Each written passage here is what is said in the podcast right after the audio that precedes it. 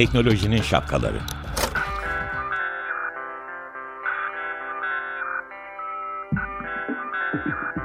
Bilgi ve iletişim teknolojileriyle güvenli ilişki için Banu Zeytinoğlu, Murat Lostar, teknolojinin tüm renklerini, siyah, beyaz, mavi, kırmızı şapkalarını konuşuyor.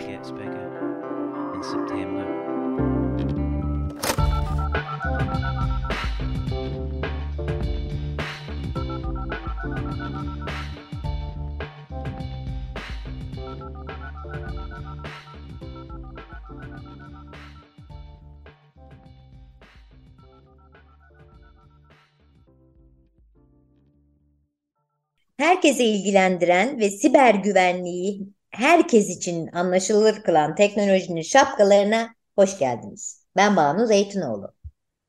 Ben Murat Lostar, iyi haftalar. Ee, Murat'cığım e, biraz e, doğal afetten e, uzaklaşalım. Uzaklaşmak derken başka şeyler de oluyor bir taraftan kendimizi koruma altına almamız gerektiren. E, biraz da onlardan e, bahsedelim istiyorum ki bu e, deprem bağlantılı önlemleri de içeren bir konu aslında. Çünkü herkesi ilgilendiren bir konu. Programın başında da söylediğim gibi. Şu, geçen hafta yani 26 Şubat tarihinde ben bir şey okudum bir mecrada 61 milyon kişinin E-Devlet'teki kimlik numarası ve şifre verilerinin satıldığına dair. Ne demek şimdi yani? Bu ne nasıl nasıl satıldı yani? Biz ne demek oluyor bu? Bunu bir kere hepsi bir araya geldiği zaman ben hiçbir şey anlamıyorum. Gözüm korkuyor çünkü. Şimdi bana yavaş yavaş bana ve dinleyicilere anlatır mısın? Bu doğru mu? Bir. Ne demek satılması? Bilgilerimiz kimde? Buyurun. Teşekkür ederim. Banucuğum, E-Devlet hepimizin çok iyi bildiği gibi aslında devletle ilgili birçok işlemi yapabildiğimiz bir ortam. Türkiye Gov.tr adresli yıllardır da hayatımızın önemli bir parçası. Her, hepimiz kullanıyoruz. Yani sana dönüp kullanıyor musun diye sormayacağım. Tabii ki sen de kullanıyorsun. Herkes kullanıyor. Bazı insanlar daha sık ihtiyaç çok duyuyor. Bazı insanlar daha seyrek ama hepimiz kullanıyoruz. Günlük hayatta düzenli kullanmasak bile oraya girdiğimiz zaman birçok vatandaşlık yetkimizi de değerlendirebiliyoruz.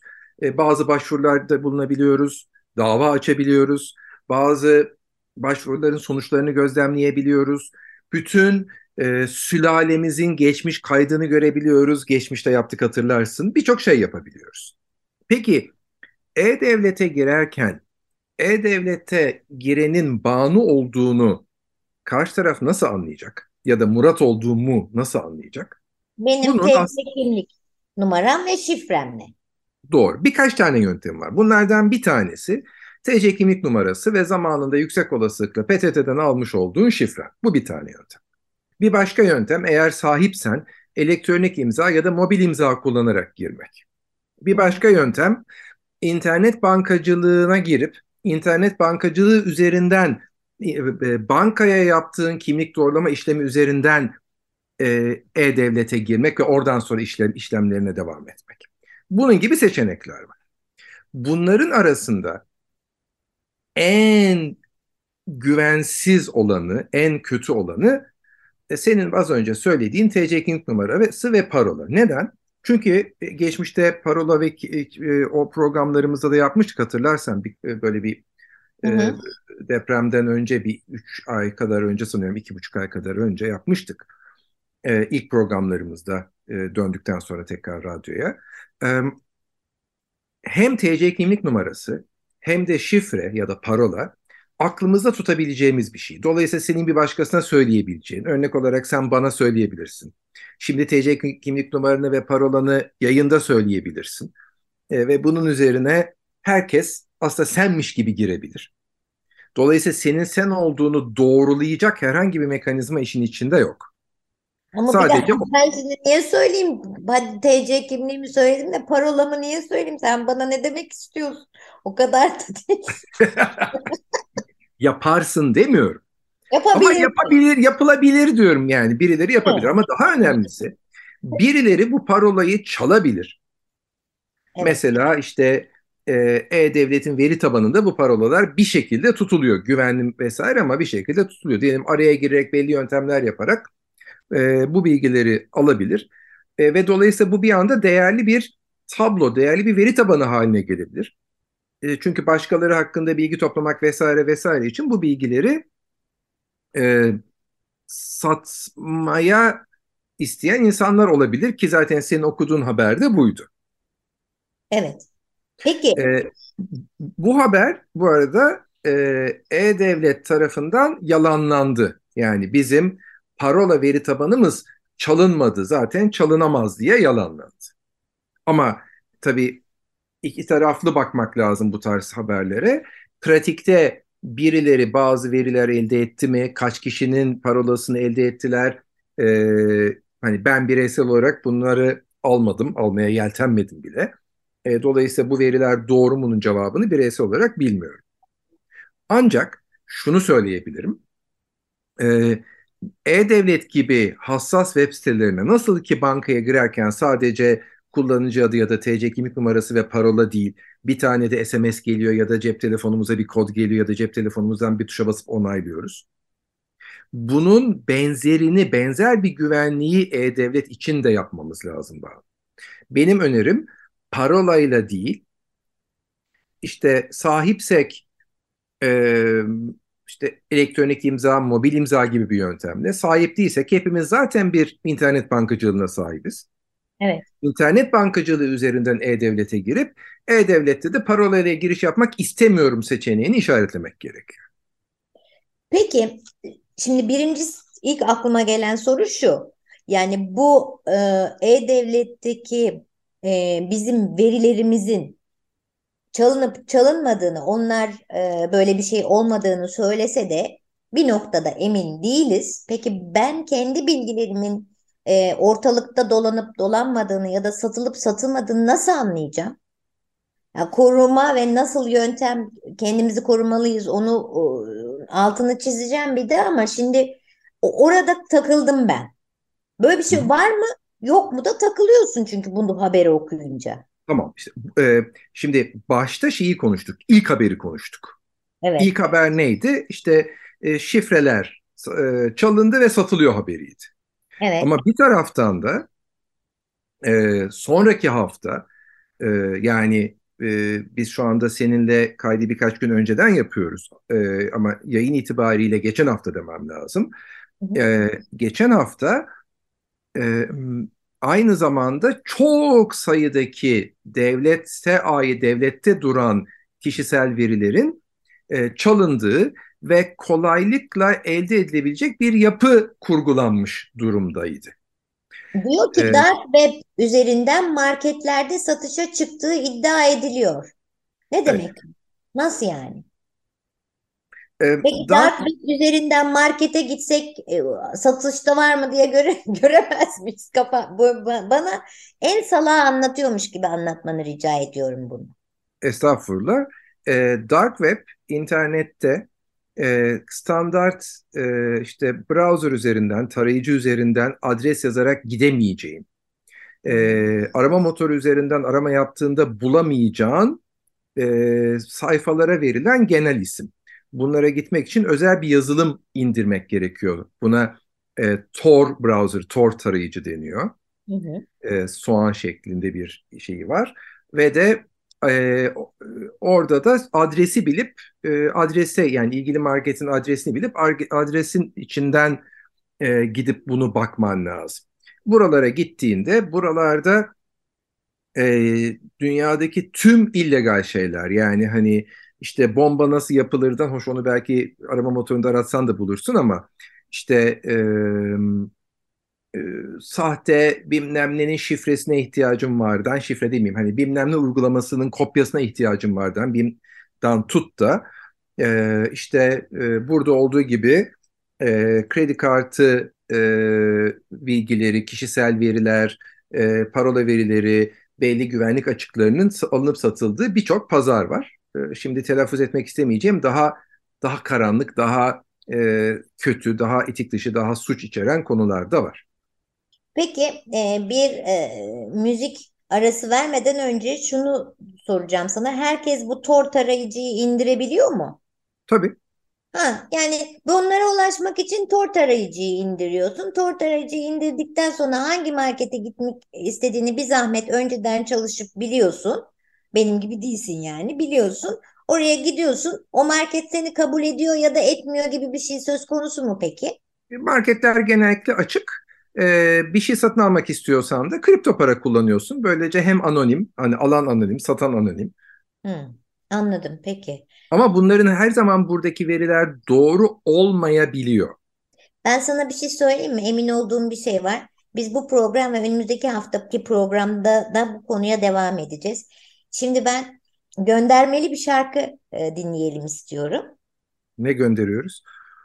İşte Mayıs ayına göndermeli. Ondan sonra Şebnem Ferah'tan Birileri Var'ı dinleyelim istedim. Sen dinledin mi bilmiyorum. Bir duy bakalım neler diyor sözleri. Evet, Şebnem Ferah'tan Birileri Var adlı e, parçayı dinledik. Bugün e, Birileri Var bizim e, E-Devlet'teki e, şifre ve numaralarımızı e, çalıp satarak verilerimize ulaşıyor. E, bu konuda konuşuyoruz. Ben biraz panikledim. E, genel olarak bakacak olursak yine şifrelememiz önemli. Şu ana kadar konuştuklarımızdan E-Devlet şifremizi PTT'den alıyoruz ve TC kimlik ve şifremizle giriyorsak bu en az güvenli olan. Aslında elektronik imza veya mobil imzanız varsa onu kullanarak girmeniz daha güvenli. Benim hemen aklıma bu banka üzerinden e, girmekte e, benim becerebileceğim e-imzam ve mobil imzam olmadığı için güvenli geldi. Öncelikle bunu söylüyoruz. Sonra da bunlar belli marketlerde satılıyor. E, dark karanlık ağ, dark web'lerde satılıyor. Bunun için de Tor tarayıcıyı indirmemiz gerekiyormuş o marketlere gitmemiz için. E, bunları konuştuk. Şimdi devam edelim. Şimdi Buyurun. Banucuğum bu olayın bir tarafı. Fakat bir başka tarafı daha var. Şimdi şu ana kadar konuştuğumuz E-Devlet'e girerken kullanılabilecek olan parola. Ama birçok kişisel verimiz, şuyumuz, buyumuz var. Şimdi bunlar da geçmiş yıllarda da çıktı, e, farklı ortamlarda da konuştuk. Artık e, işte çok sayıdaki Türk vatandaşının verisi internette dolaşmaya başladı. Hatta o kadar ki e, az önce yani şeyden önce e, müzikten önce söylemiştim. Biz şu anda bu programı birkaç gün önce kaydediyoruz. Büyük olasılıkla kapatılmıştır diye söylüyorum. E, geçen hafta e, Telegram'da bir kanal açıldı.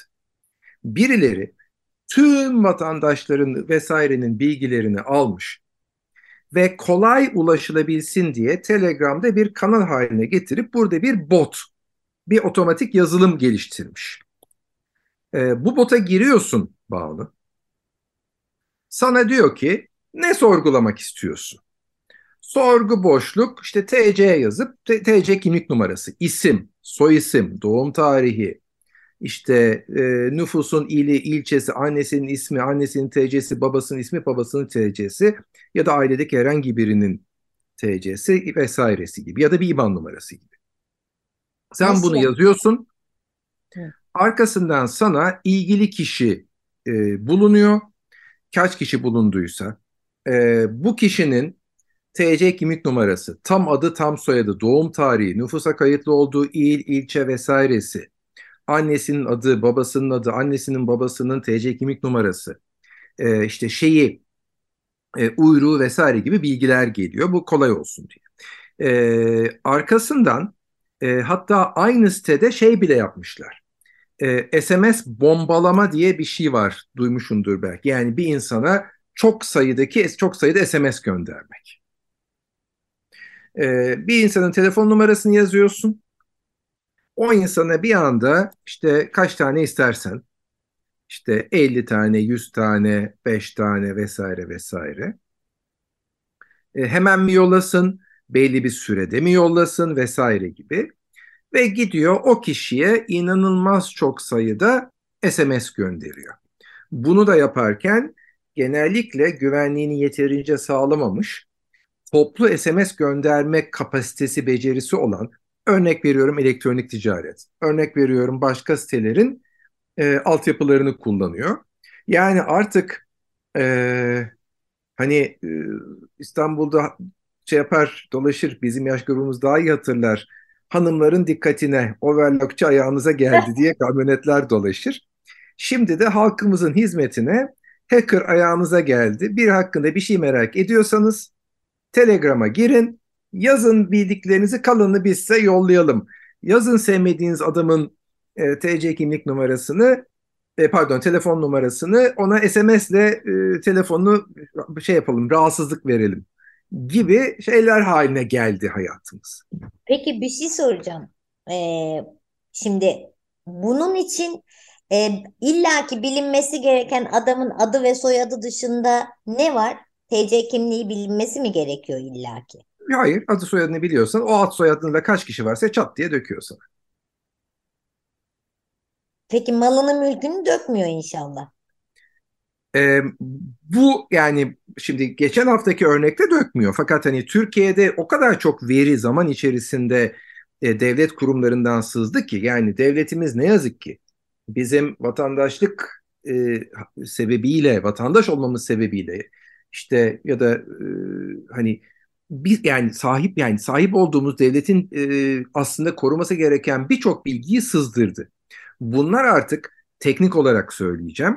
Nasıl ki şirketlerde bütün veriler küçük küçük sistemlerde durur ama büyük şirketler artık bir süredir bütün bu verileri bir merkeze toplayıp bütünden bir e, bir daha e, anlamlı bir bilgiye, sonuca ulaşmak istiyorlar. Buna teknik olarak data warehouse ya da data lake, veri e, deposu ya da veri e,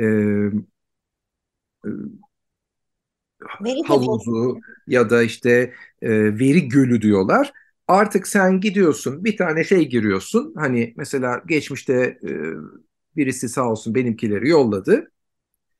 E, benim üniversiteye giriş yılımdan başlayarak birçok veri yani üniversiteye girişteki kayıt kayıtlarımdan tut aile kayıtlarım, çocuklarım, işte oturduğum yer, telefon numaram her şey aslında şu anda internette sızmış durumda gibi gözüküyor. Bu gibi gözüküyor ya anlamadım. Yani, yani tedbir amaçlı bir çakma bir şey mi gönderdiniz sen olduğun için söylüyorum. Gerçekten sızmış gibi böyle bir şüphe mi var? Yok sızmış değil yani e, birisi tanı tanımıyorum e, hani bunu yaptığını iddia eden hackerlardan bir tanesi e, güvenli bir kanal üzerinden bak yaptım sana da bunu kanıtlamak için senin bilgilerini gönderiyorum diye benim bütün bilgilerimi bana yolladı. Anladım. Hacklendin yani. E, şimdi hacklendim Murat hacklendi mi? Murat bu arada her zaman hacklenebilir. Herhangi bir insan her zaman hacklenir. Aksine asla iddia etmedim bugüne kadar. Ama şunu söyleyebilirim. Hani Murat'ın verileri sızdı evet ama Murat'ın verileri Murat'ın cebinden, Murat'ın koruduğu bir sunucudan çıkmadı. Devletin koruması gereken yerlerden zaman içinde bir sürü seferde sızdı. Ama artık bunlar böyle koca koca büyük veri tabanlarında hazır durumda. Dolayısıyla ben oraya Murat diyorum. Zırıt Murat'la ilgili her şey geliyor. Banu diyorum. Hop Banu ile ilgili her şey gelir vaziyette. İşte bunun bir kısmı satılıyor. Bir kısmı kanıt olarak örnek olarak gönderiliyor. Bir kısmı belki farklı amaçlarla kullanılıyor vesaire vesaire. Peki ama Lostar sen bütün bunları tamam öyle fakat bu normalde bir suç değil mi? Yani devletin bize karşı sorumluluğu yani bunları korumakla yükümlü benim bütün bilgilerimin sızması karşısında bize karşı bir sorumluluğunu yerine getirmemiş oluyor. Yani bu diğer ülkelerde de bu oluyor mu? Ya da olduğunda ne oluyor? Yani bir kere suç öncelikle tabii ki hırsızda onu bir kenara koyalım. Ama hani tamam. e, kapısını kitlemeyen de hiç mi suç çok anlamında soruyorsun bunu. Tabii. E, yıllarca e, Türkiye devletin kendi kurumlarından TÜBİTAK bile geçmişte birçok kez şey yaptı.